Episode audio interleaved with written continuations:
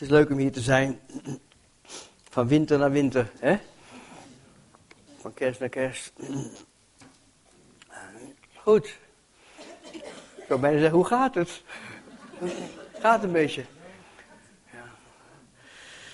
Ik, ben, uh, ik ben vanmorgen hierheen gekomen op de wolken des hemels.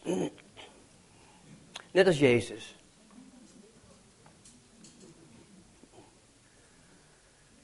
Ik dacht, zo begin ik maar eens. Jezus komt op de wolken des hemels. Toch? Zo ben ik ook gekomen.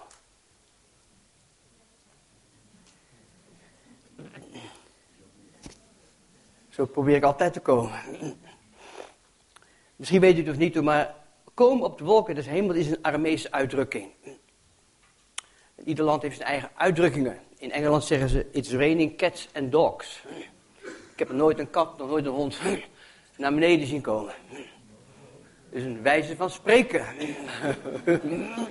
dat begrijpt u wel. En uh, wij hebben dat ook, hè. Hij loopt met zijn hoofd in de wolken, bijvoorbeeld. Dan uh, is hij erg blij, die persoon. In de tijd van Jezus, in het Aramees, dan uh, ging een zakenlui, op reis of een krijgsheer ging ten strijde. En als ze dan succesvol terugkwamen of overwinnend terugkwamen, dan kwamen ze terug op de wolken des hemels. Dus daarom zeg ik, ik ben vanmorgen gekomen op de wolken des hemels. Het heeft niks met een wolkje te maken. Het heeft te maken met de situatie, met de positie waarin je staat. En uh, ik geloof daarin voor nu. Ik geloof in het verleden en ik geloof daar zeker voor in, voor in de toekomst.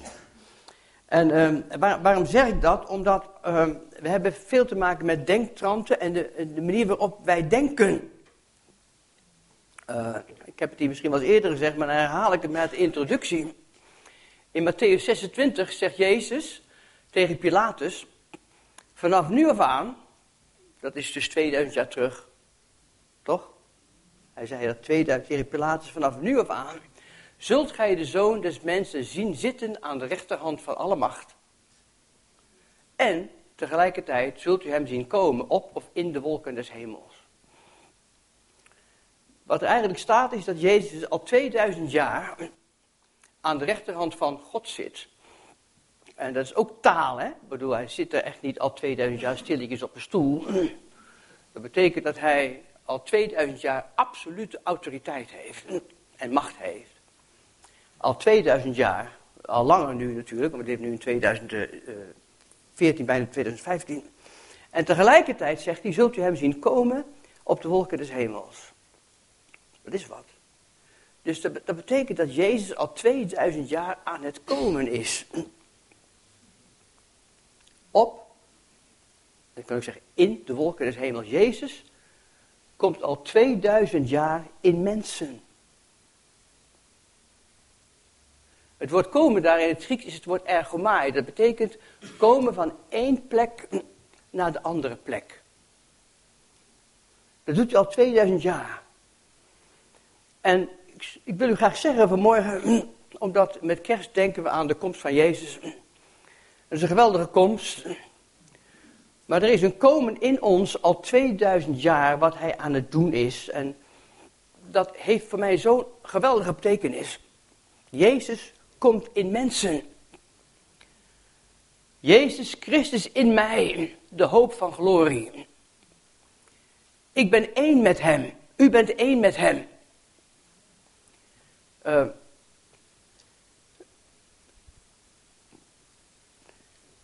natuurlijk is er nog een komen. Maar dat is niet het woord ergemaaid, het woord perusia, dat is de verschijning van Christus. Ergens in de rit, in de toekomst, zal hij verschijnen in al zijn glorie. En uh, dat vind ik ook geweldig. Maar daar heb ik nu niet zoveel aan. Waar ik wel wat aan heb, is dat Jezus ook vandaag nog komt in mensen. En zich manifesteert in mensen. En zijn koninkrijk laat zien in en door mensen heen. Daarom ben ik ook zo geïnteresseerd in wat God doet. Daarom ben ik persoonlijk, en het is gewoon persoonlijk natuurlijk, zo geïnteresseerd in waar we met elkaar naartoe gaan de komende tien jaar. Waar we hier zijn 20 jaar, over 20 jaar, waar we staan over 30 jaar. Waar we staan over 40 jaar. Waar we staan over 50 jaar. Of 100 jaar. En dat maakt mensen soms al boos. Omdat onze denkpatronen zitten zo vast. Dat we bang zijn wanneer we dat veranderen, dat ons fundament geschokt wordt. En eigenlijk zijn al die denkpatronen, hebben weinig met het fundament te maken. Het fundament waarop ons geloof gebouwd is, is op een openbaring van Jezus Christus. Daarom zitten we hier. Hij is aan ons, aan mij verschenen. Ik kwam tot geloof in Jezus niet toen ik een boek ontmoette, maar toen ik een persoon ontmoette. Toen hij bij mij kwam. Toen ik met hem samen ging leven. Toen ik mij ging realiseren dat ik één was met hem. En als je naar mij kijkt, eigenlijk geen twee personen ziet, maar één persoon ziet. Maar dat heb je in een intieme relatie van gemeenschap. Worden twee, worden één. Dus eigenlijk zie je mij en Jezus tegelijk voor je staan. En zie ik Jezus en jou tegelijk voor mij zitten. Het is een hele bijzondere eenheid. Daarom, uh, hoewel Jezus centraal staat, is het ook heel belangrijk om te weten hoe hij dan centraal staat. Hij staat centraal in mijn leven, maar ik heb van Jezus geen afgod gemaakt. Een afgod, ik heb het opgeschreven hier. Waar heb ik het opgeschreven? Is een voorwerp van goddelijke verering, wat niet de ware God is. Een voorwerp van goddelijke verering wat niet de ware God is. Vele mensen hebben van Jezus een afgod gemaakt. Een afgod is iets, een ding waar je alles van verwacht. En die alles voor je doet of niet voor je doet, afhankelijk van hoe je hem behaagt of niet behaagt. Afhankelijk van wat jij doet, doet hij naar jou. Hoe meer je offert, hoe meer die doet voor jou. Hoe beter het er voor je uitziet. Als je niet aan bepaalde regels houdt, dan zorgt hij minder voor jou. Dat is een afgod. Op grond van die definitie hebben veel mensen van Jezus een afgod gemaakt. Hij staat wel centraal, maar niet als afgod.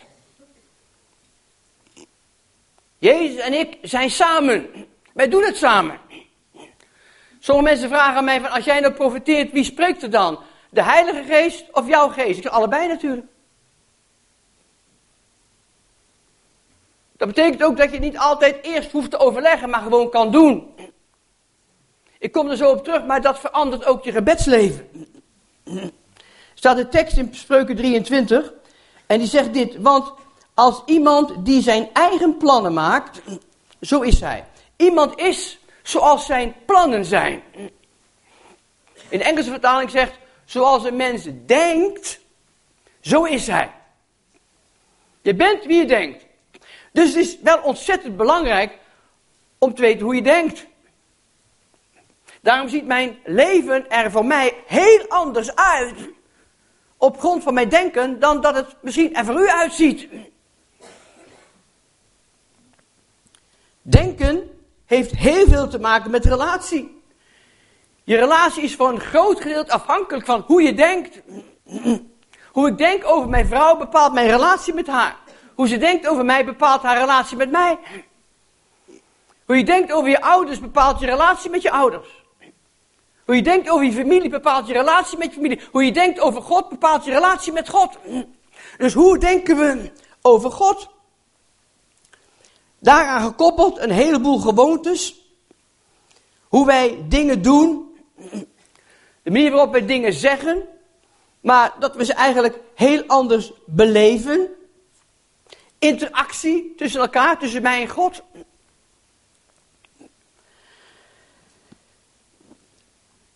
We kunnen soms, kijk, ik heb het hier wel eens meer gezegd, denk ik. Mijn, de vragen die ik heb komen voort uit, relatie, uit mijn relatie met God. Komen niet voort uit een wetenschappelijke optiek. Je kunt je heel veel vragen stellen over God en over de Bijbel op grond van wetenschap. En wetenschap is altijd gelinkt aan twijfel, aan vooronderstellingen, aan hypothesen. Als je op die manier over God denkt en over de Bijbel denkt, kom je er niet uit. Maar mijn vraagstelling komt voort uit mijn relatie met Jezus. En die kan op een bepaalde manier, niet in een negatieve manier, best wel op de proef gesteld worden, maar op een goede manier. Ik zal je vertellen, januari kwam ik hier vorig jaar.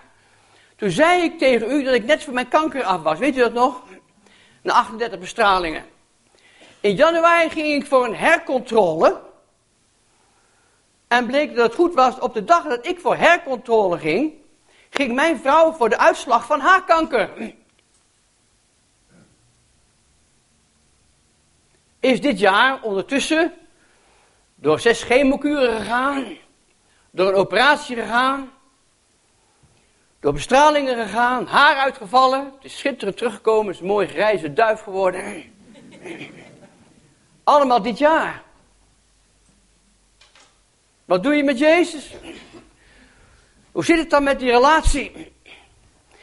Weet je, soms denk ik dat ik. Uh,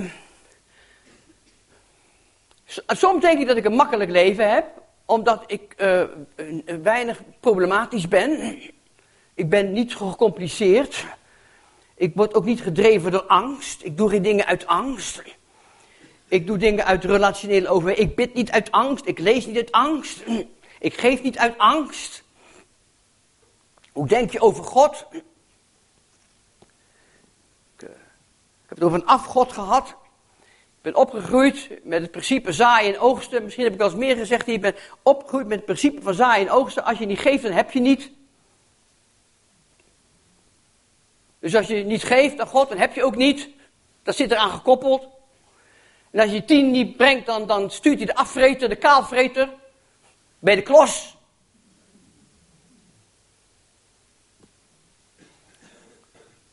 Als je niet geeft, heb je niet. Het is, zaaien en oogsten is een geweldig principe. Ik geloof in het principe, maar het alleen het principe van zaaien en oogsten is het principe eigenlijk zonder genade. Want als je dat niet kan geven, bijvoorbeeld, ben je toch de klos? Dan denk ik alleen maar aan mijzelf en aan mijn eigen kinderen. Ik geef mijn kinderen niet, omdat ze iets aan mij geven. Ik geef mijn kinderen iets omdat ik van ze hou. Ik bekijk dingen vanuit een relationele optiek. Anders houdt het voor mij op. Want anders creëer ik of een. Ik kan of een grotere afstand naar God creëren. tot op het punt dat ik niet meer zeg wie is God. maar dat ik ga vragen wat is God. Want relationeel pak ik het niet altijd. maar ik wil nooit gaan naar wat is God. Ik wil blijven gaan naar wie is God. Dus of ik het nou wel of niet begrijp, ik laat bedrijven door de liefde van Christus in mij. Ik wil, ik wil zaken bekijken vanuit, een, vanuit, het, vanuit het, van op, optiek van liefde. Liefde in de relatie. En die wil ik blijven zien als ik praat over Jezus en als ik praat over God. Dan wil ik, dan wil ik niet de principes hanteren van de religie. Die alleen maar dood en verderf zaait, waar die religie zich ook manifesteert, of het nou in islam is of in het christendom. Maar dan wil ik wel laten drijven door de principes van het koninkrijk van God. En, en, dan op een gegeven moment, dan, dan krijg je, soms krijg je antwoorden, soms niet. Maar ik laat me drijven door die liefde. Wat betreft dat, dat, dat, dat, dat onbarmhartige. Want dat principe van zaaien en oogsten, als dat het enige principe is vanuit het hart van God, is het een genadeloos principe. Als dat het enige is. Totdat God een keer tegen mij zei van, goh, je bent getrouwd op het moment dat jij trouwde. Op het moment dat ik trouwde was alles wat van haar is, was van mij. En alles wat van mij is, was van haar. Was toen niet veel, maar het is wel een principe. En God zei tegen mij, God zei tegen mij, we hebben een verbond. We hebben een huwelijksverbond, zegt God tegen mij. En alles wat van jou is, is van mij. Dat wist ik al. Hij zegt, maar alles wat van mij is, is ook van jou. En ineens, ineens zag ik het. Ineens zag ik, hé, hey, ik heb ook wat als ik niet saai. Ik heb ook wat als ik niets geef. Ik hoef niet te zaaien om wat te krijgen, want ik heb het al. Daarmee gooi ik een principe niet weg. Maar er komt een stroom van genade in dat principe, in die denktrand. En plotseling kon ik tegen een vrouw zeggen in de bijstand met drie kinderen: Joh, maak je geen zorgen als je niks kan geven. Who cares? En de schuldvraag was weg. En de angst was weg. Oh, ik kan niet. Oh, ik word vast niet gezegend van de maand, want ik kan niet geven. Geef niks, joh. Als je niet kan geven, geen juk, geen zorgen. God houdt toch wel van je. Hij zorgt gewoon voor je. Het is een principe, het is een genadeprincipe. Hoe denk je over God? Denk je over God dat als je niet geeft, dat hij dan de kaalvreter keert? Of denk je over God dat hij naar je hart gaat en ziet wat er in je hart is en kijkt naar je vermogen en kijkt naar je onvermogen en wil je helpen door dat onvermogen heen?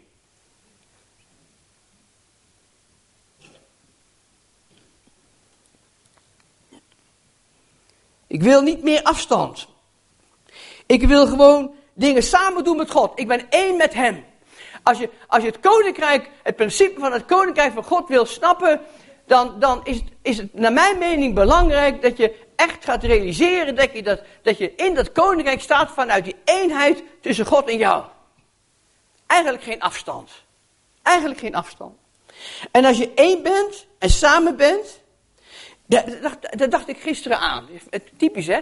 Ik dacht van kijk, ik begrijp ook niet alles hoor, want echt een relatie is gebaseerd op interactie. Hè? Als wij een relatie hebben met elkaar, kan ik je altijd bellen, kan ik altijd vragen, kan ik gelijk antwoord krijgen, of ik krijg geen antwoord, of je zegt ik weet het niet.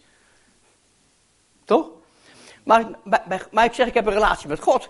Ik moet eerlijk zeggen, om, uh, ja, dat betekent niet dat ik overal antwoord op krijg. Dus er zit er een frictie, voor mijn gevoel, soms in hoe ik denk dan over die relatie, snap je? Want ik begrijp natuurlijk geen fluit van. Als ik, als ik een goede vader was, deed ik dat niet. Dan ga ik niet door iemand de chemo sturen. Of de bestraling, als ik het zo pang kon doen. Maar ik heb ook gezien dat als ik één ben met hem en dat principe steeds meer ga snappen, dat ik hem eigenlijk ook steeds minder hoef te vragen en gewoon met hem kan leven. Trouwens, wij vragen toch, wij, wij, kijk, wij kramen toch op zich, relationeel gezien, dus een ongelooflijk hoeveelheid onzin uit, hè? Ik, zal een voorbeeld geven. Wat, ik, ik zal noem een paar voorbeelden. De Bijbel zegt, omdat hij mij eerst heeft lief gehad, heb ik hem lief. Hè, dat staat er toch? Nou, dat is een statement, dat is waar, dat weten we dus. Maar, maar nou, laat ik zo een voorbeeld geven. Toen, wij hebben elkaar we zijn, eh, denk ik, 47 jaar geleden ontmoet. Waarschijnlijk, ik, ik weet niet of zij heeft mij eerst lief gehad of ik heb haar eerst lief gehad. Laat ik even het midden laten aannemen dat Verus mij eerst heeft lief gehad en toen ik haar. Dat is, dat is een gegeven. Is het, klopt, begrijpt u mij? Maar dan hoef ik toch niet om de zoveel tijd tegen haar te zeggen, Verus, omdat jij mij eerst hebt lief gehad, heb ik jou ook lief. Dat hoef ik toch niet steeds te zeggen.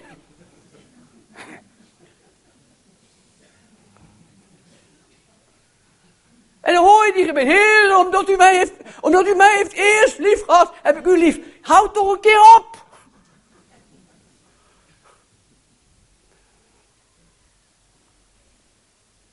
Geef maar, ik geef maar een voorbeeld uit de relationele optiek. Hè. Ik begrijp het allemaal wel. Ik, kom maar, ik, weet waar ik, ook, ik weet ook waar ik vandaan kom.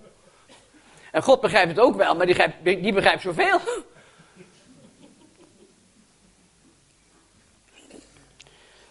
Uh, of, of, of, of um, ik, voorbeeld. Voordat we gingen trouwen, heeft ze mij een paar brieven geschreven. En dan zijn we getrouwd en dan ga ik daarna die brieven voortdurend bij haar gebruiken om uit te citeren. Heer, u zegt in uw woord. U, hij weet wat hij geschreven heeft.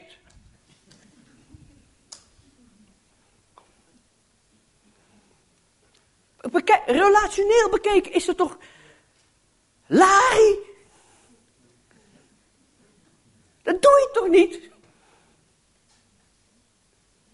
Als wij zondags niet weg moeten, dan zit ik wel eens beneden de televisie kijken, kijk ik wel eens naar Schuler, naar Bobby Schuler.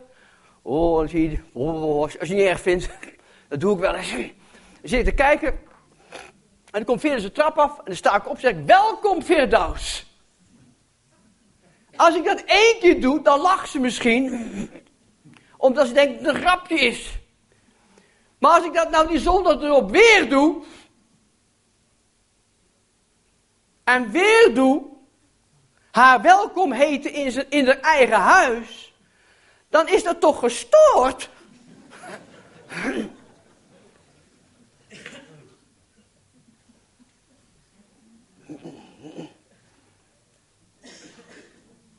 En we lachen erop, maar we weten allemaal waar we vandaan komen. En we weten allemaal dat we de grootste onzin uitkramen.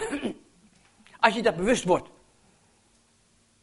En het duurt, dat, het lang voordat je daar vanaf komt bent hoor, want dat is diep.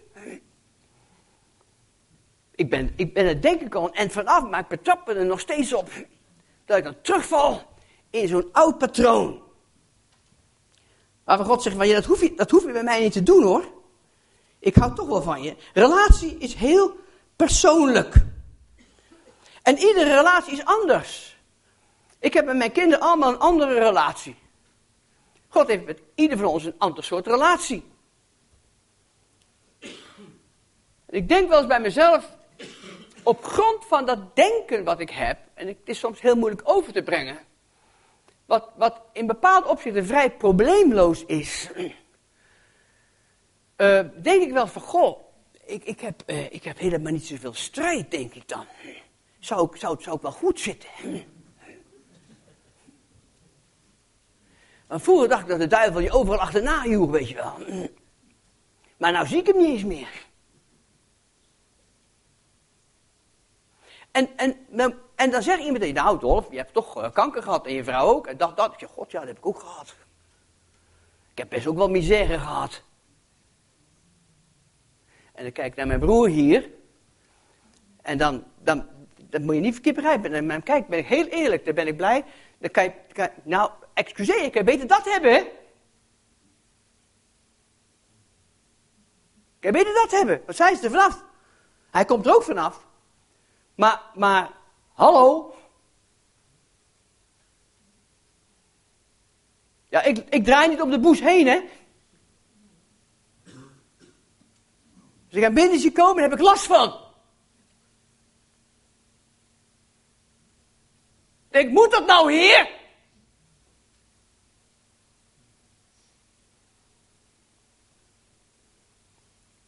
Hij zit er wel aantekeningen te maken. Hij zit wel te schrijven. Want hij is het niet kwijt. En zo ga je om met strijd. Eind van de rit zegt ja. Het heeft, met, het heeft iets, het heeft te maken met Christus in mij, de hoop van glorie. Het heeft te maken met het koninkrijk. Het heeft te maken met hoe je met dingen omgaat. En ik, ik, zal, ik zal de laatste zijn die zal zeggen dat het leven altijd simpel is. Maar de bottom line is toch vreugde. Koninkrijk van God heeft toch te maken met liefde, vreugde en met gerechtigheid. Woorden als Jezus willen we dan. Nou, moet je goed horen. Ik hoop dat jullie niet allemaal worden als Jezus. Al die klonen, daar heeft God ook niks aan hoor.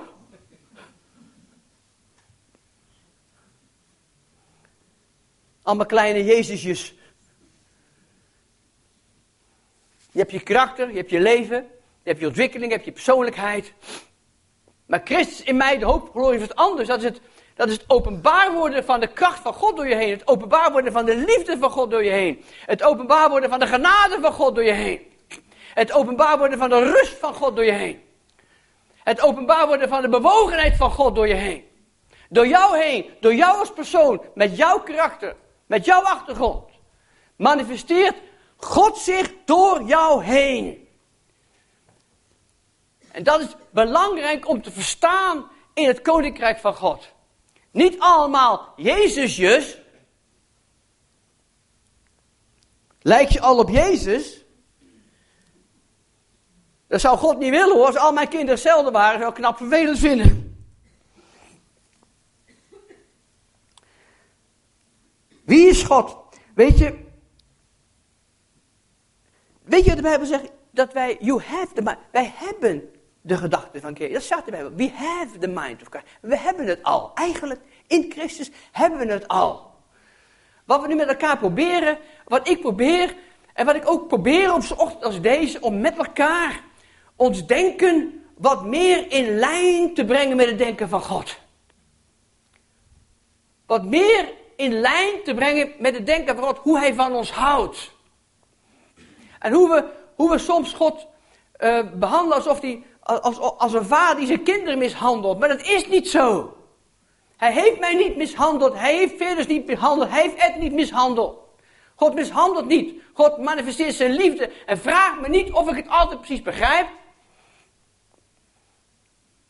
Maar ik blijf hamer. Ik wil in alle aspecten van mijn leven. In alles wat ik doe, wat ik zie. Hoe ik naar God kijk wil ik uitgaan van zijn liefde en van mijn relatie met hem. Anders kom ik er niet. En er is volgens mij, volgens mij hè, ook geen andere manier om het te komen of om het te verstaan.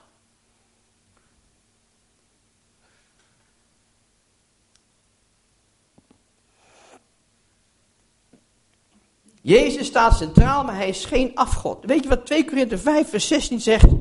Dat, zegt Paulus, als we iemand naar het vlees gekend hebben, zelfs als we Christus naar het vlees gekend hebben, nu niet meer.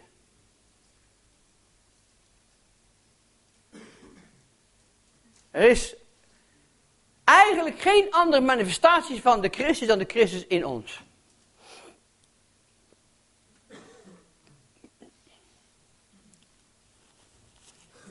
En wat hij aan het doen is, en ik ervaar het in, mijn, in ons persoonlijk leven, dat, dat, dat doet een heleboel dingen schudden, dat hij eigenlijk ons terugbrengt naar de oorsprong. We hebben natuurlijk een gevleugelde uitspraak in de profetische wereld. God doet iets nieuws. Nou, hij doet niks nieuws hoor. Want er is geen nieuws onder de zon.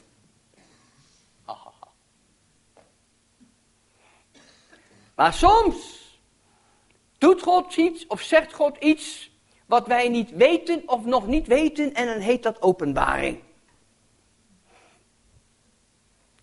En dan stappen we in die openbaring en dan gaan we leven naar die openbaring. En dan voelen we dat er een juk van ons afvalt. En dan krijgen we gedachten, ideeën die ons vrijmaken. En dan kijken we naar iemand anders die daar dan nog mee zit. Oh, dat die, dat, dat, dat, dat die man dat niet ziet.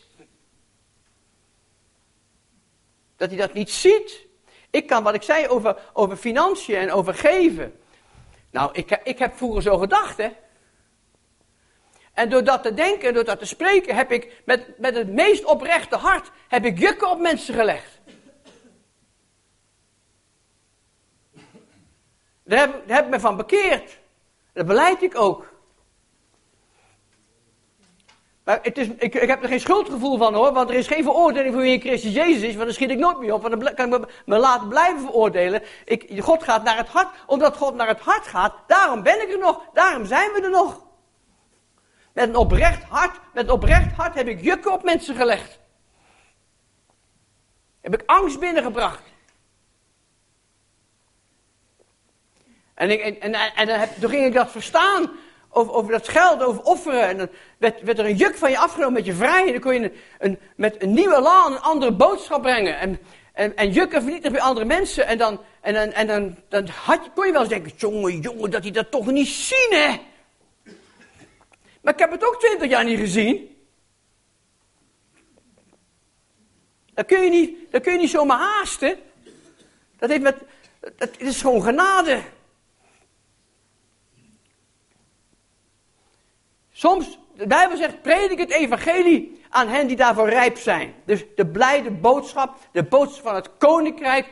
Er staat niet de boodschap van het kruis, hè, de boodschap van het koninkrijk. De, de blijde boodschap is meer als de boodschap van het kruis is de boodschap van het koninkrijk, daar kwam Jezus voor. Dus de blijde boodschap, hij is gekomen om de boodschap van het koninkrijk te proclameren. Dat is de blijde boodschap. En predik die blijde boodschap aan hen die daarvoor rijp zijn. Daarom kan je soms aan een tafel zitten en kan je alles kwijt wat er in je hart is. En je schuift naar de andere tafel en je kan niks meer kwijt.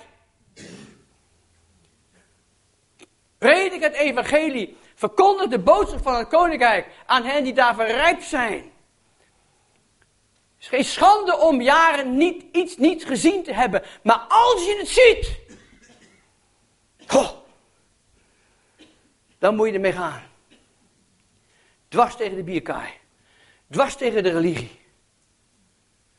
Dwars tegen het ongeluk, dwars tegen de ellende, dwars tegen de jukken. We hebben twee mensen uit Egypte op bezoek, 14 dagen lang. We praten over de toestand daar en over ISIS en over, over de islam en over het absolute uitmoorden en kinderen vermoorden. En dan moest ik ook even terugdenken aan onze eigen kerkelijke geschiedenis. Met de Rooms-Katholieken tegen de protestanten, tegen de reformers, tegen de, de hugenoten. Hoe we elkaar de brand, hebben gesmeten. En dan zeggen we tegen elkaar, ja, maar die moslims moorden elkaar ook uit. Dat deden wij ook hoor. Met de duizenden hebben we elkaar over de kling gejaagd. Dus dat doen hun over 200 jaar ook niet meer. Kopieerder, ja. God, God kan het doen, hè. Die, die kan dit even de scheet doen, oh ja, zwaar. dat is een goeie. Ik hoop eerder. Ja, ik hoop ook eerder. Ik geloof er ook voor. Israël, Israël als derde natie naast Assyrië en Egypte God zal groot maken. Jezaja 19. Israël zal als derde natie naast Assyrië en naast Egypte God groot maken. Dat staat er. Als dat gebeurt, dan praten we van een echt eindtijdverschijnsel. De rest van al die eindtijdverschijnselen, dat weet ik allemaal niet hoor. Ik ben ook zo moe van. De ene is niet geweest, of de ander komt alweer.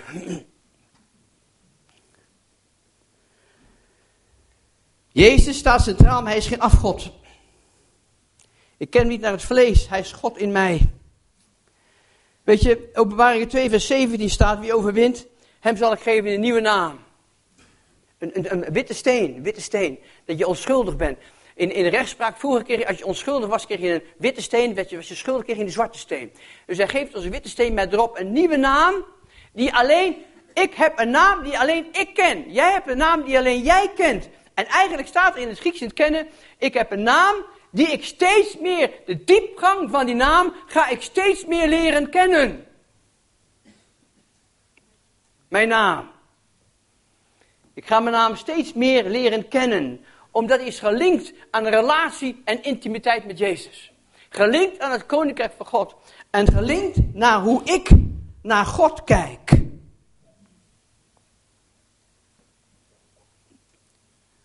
Wat we nodig hebben vandaag is, is gewoon relatie en volwassenheid.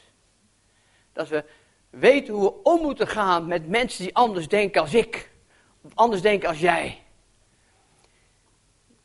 En als ik dan zeg inderdaad, ja, ik ben benieuwd naar hoe het er over vijf jaar uitziet, dan, dan ja, hier niet want jullie zijn allemaal hele lieve mensen, maar dan kom ik op plekken, joh, dan zijn sommige mensen zo boos op mij.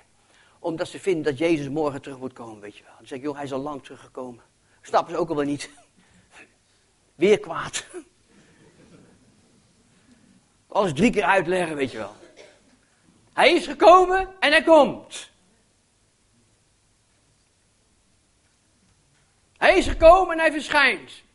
En er staat er, hij komt, zie, ik kom spoedig. Ja, maar je kunt, ja, dat, is nou vervelend als wij dat nou, dat woordje spoedig nou altijd anders hadden vertaald van het begin. Want spoedig betekent ook, I'm coming, ik, ik kom zonder uitstel. Stel, dat kan je zo kunnen vragen. Dus wij, wij, wij hebben ervoor gekozen om te zeggen, zie ik kom spoedig. Maar als we nou voor gekozen hadden om te zeggen van, zie ik kom zonder uitstel, hadden we toch een heel ander verhaal gehad.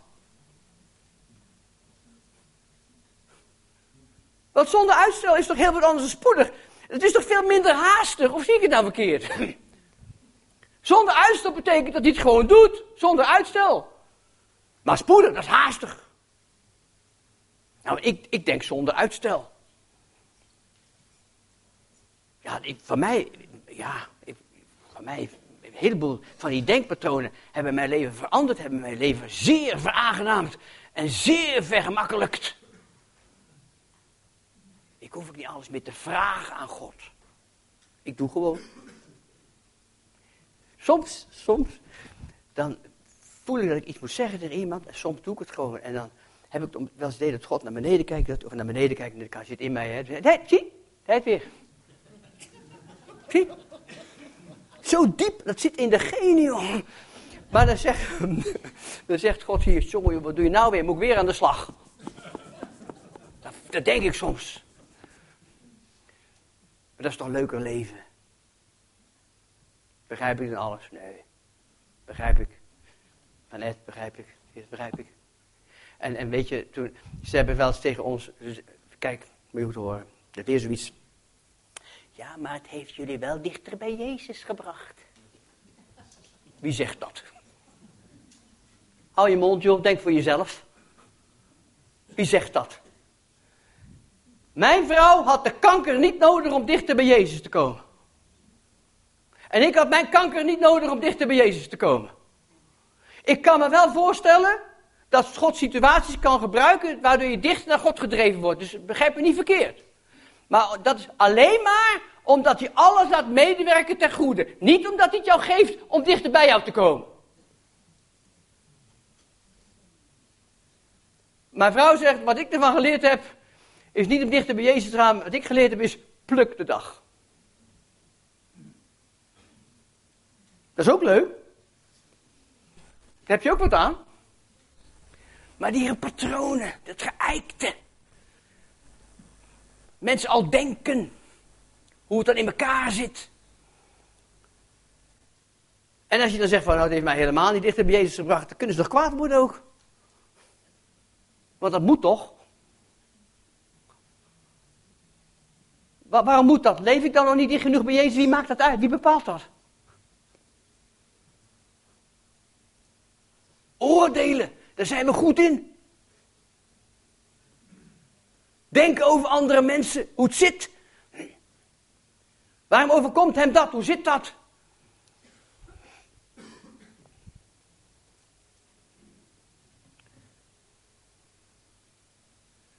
Wat gaat het u aan? Volg gij mij. Koninkrijk van God. Ik geloof in relatie, ik geloof in volwassenheid. Ik geloof in het Koninkrijk van God. Ik geloof ook in reformatie. Ik heb echt, ik heb echt geloof in de toekomst. Maar het zal misschien niet gaan zoals we allemaal denken.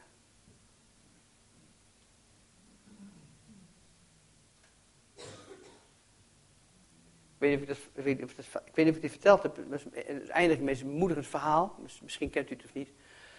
Ik, ik geloof in. Ik heb het idee dat God een keer tegen mij zei. En als je het al een keer hoort, dan moet u me maar vergeven. We hebben de kracht van de herhaling. Dat God tegen mij zei: Dolf. Dat weet ik. Hij zei. Uh, als je, als je, als je haast hebt, zijn opwekkingen geweldig. Maar als je wat meer tijd hebt, is een reformatie beter.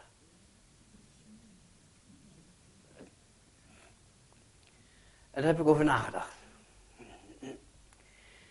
En reformatie is een, een schudden, een ontwikkeling, een verandering in, in, in, in alle gebieden van de maatschappij onderwijs, sociaal werk, zorgverlening, eh, de medische wereld. Het is een, een schun van, op alle vlakken van de maatschappij. En, uh, en, en, en, en, om een reformatie uh, te ontwikkelen heb je wel een generatie nodig. Dus zo kom ik al gauw aan 40 jaar. En uh, toen kwam de socioloog naar mij toe. En die zei tegen mij, Dolf, als je kijkt naar de wereldgeschiedenis, niet naar de kerkgeschiedenis, niet naar de kerkgeschiedenis, maar naar de wereldgeschiedenis, dan zie je iedere 500 jaar een reformatie. Die, uh, die alles op zijn grondvesten doet schudden. Iedere 500 jaar. In de wereldgeschiedenis. De laatste reformatie, en ik heb het gecheckt, klopt. Ja, en hij wist het ook. Het was geen stomme jongen. Maar je checkt het toch. Want Er wordt zoveel gezegd. En, dus jullie moeten mij weer checken natuurlijk, want er wordt zoveel gezegd, begrijp je? En, uh, uh, en hij zei, en de laatste reformatie was in 1517 van Maarten Luther. Dus als, als we, ik profiteer dit niet hoor, ik maak niet meer blij met een dode mus, maar het is wel heel erg hoopgevend vind ik. Maar, maar als, als, als we weer een geschiedenis herhaalt, dan staan we dus op de rand van de nieuwe reformatie. 1517, 2017. Als, ik, als, de wereldgeschiedenis zich herhaalt, hè, en, en, en, de, en, de, en, de, en de reformatie van Luther kon zo'n vlucht nemen, omdat toen op dat moment ook de boekdrukkunst werd uitgevonden. En nu hebben we alle social media en internet. En de wereld schudt, hè? Niet dat ik vind dat het slechter gaat met de wereld. Want kijk, ja, daar, ruzie, oorlogen, er, er zijn veel minder oorlogen, veel minder, eh, veel, meer, veel minder oorlogen als 100 jaar geleden, veel meer vredesinitiatief als, als 100 jaar geleden. Er is veel minder geweld als 100 jaar, als, als 100 jaar geleden. Dus, dus ik, ik vind persoonlijk, dat mijn persoonlijke mening, dat de wereld niet slechter is geworden, maar beter geworden. Maar het is een, het is een schud, het is een chockering op een ander vlak. Het is een schudden van de fundamenten. En, en, en niet zo'n soort, en niet zo'n, niet zo'n uh, oordeel uh, van God over de wereld hoor. Want de tsunami heeft natuurlijk, is helemaal geen oordeel. Ook uh, de, de ebola is geen oordeel. Oordeel is, zegt de Bijbel, als het, het oordeel is omdat het licht in de wereld komt. Dat is oordeel. Het licht maakt scheiding. Als je een openbaring van Jezus hebt gekregen, vindt het oordeel gelijk plaats. Het goede wordt van slechte gescheiden. In ons. Daarom zegt Jezus, ik zal mijn boodschappers sturen. En die nemen uit het koninkrijk weg wat niet goed is. Dat is oordeel. Een baring van Jezus.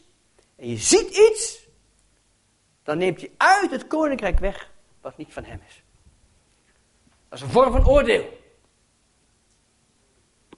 Als ik kijk naar de wereld, is er, vind ik wel dat er eh, al redelijk wat verschijnselen zijn die een reformatie eventueel mogelijk zouden kunnen maken. Yes. Ik, heb ik ben een mens met hoop. Ah, wat denk je simpel, Dolf? Nou, dan maar simpel. We komen elkaar nog wel tegen over twintig jaar. En als je denkt dat het zo lang niet duurt, nou ja, dan ga ik ook. Uh, dat geldt voor mij ook natuurlijk. Ik zit nergens mee. God is goed. God is liefde. God wil niet dat iemand verloren gaat. En als God iets niet wil, wie kan hem dan stoppen? Heb je daar eens over nagedacht? Jezus staat centraal, hij is geen afgod, oké? Zullen we gaan bewegen dan met God? Zullen we iets begrijpen van dat we één zijn met die Christus in ons? Nou, ik, ik ben, ik ben geen, geen ketter hoor, dus ik ga niet zeggen dat ik God ben. Maar ik begrijp wat ik bedoel. Toen als kind stelde ze me altijd de vraag, Dolfje, wat wil je later worden als je groot bent? En er werd aan mij vaak gesteld, want ik gaf een zeer interessant antwoord. Wat iedereen, als aan mij zei, Dolfje, wat wil je later worden als je groot bent? Zeg ik, ik wil God worden. Zei ik, heb God gezegd. Ik wil God worden. Ik heb, ben nooit weggekomen, maar ik ben, ieder, ben toch onderweg. Ik ben toch onderweg.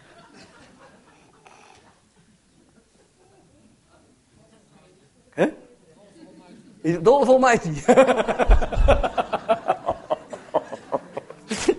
Dat is een leuke, hè? Daar gaan, daar gaan we mee stoppen. Dat is het slotwoord van Ed. Dolf Almighty. Amen.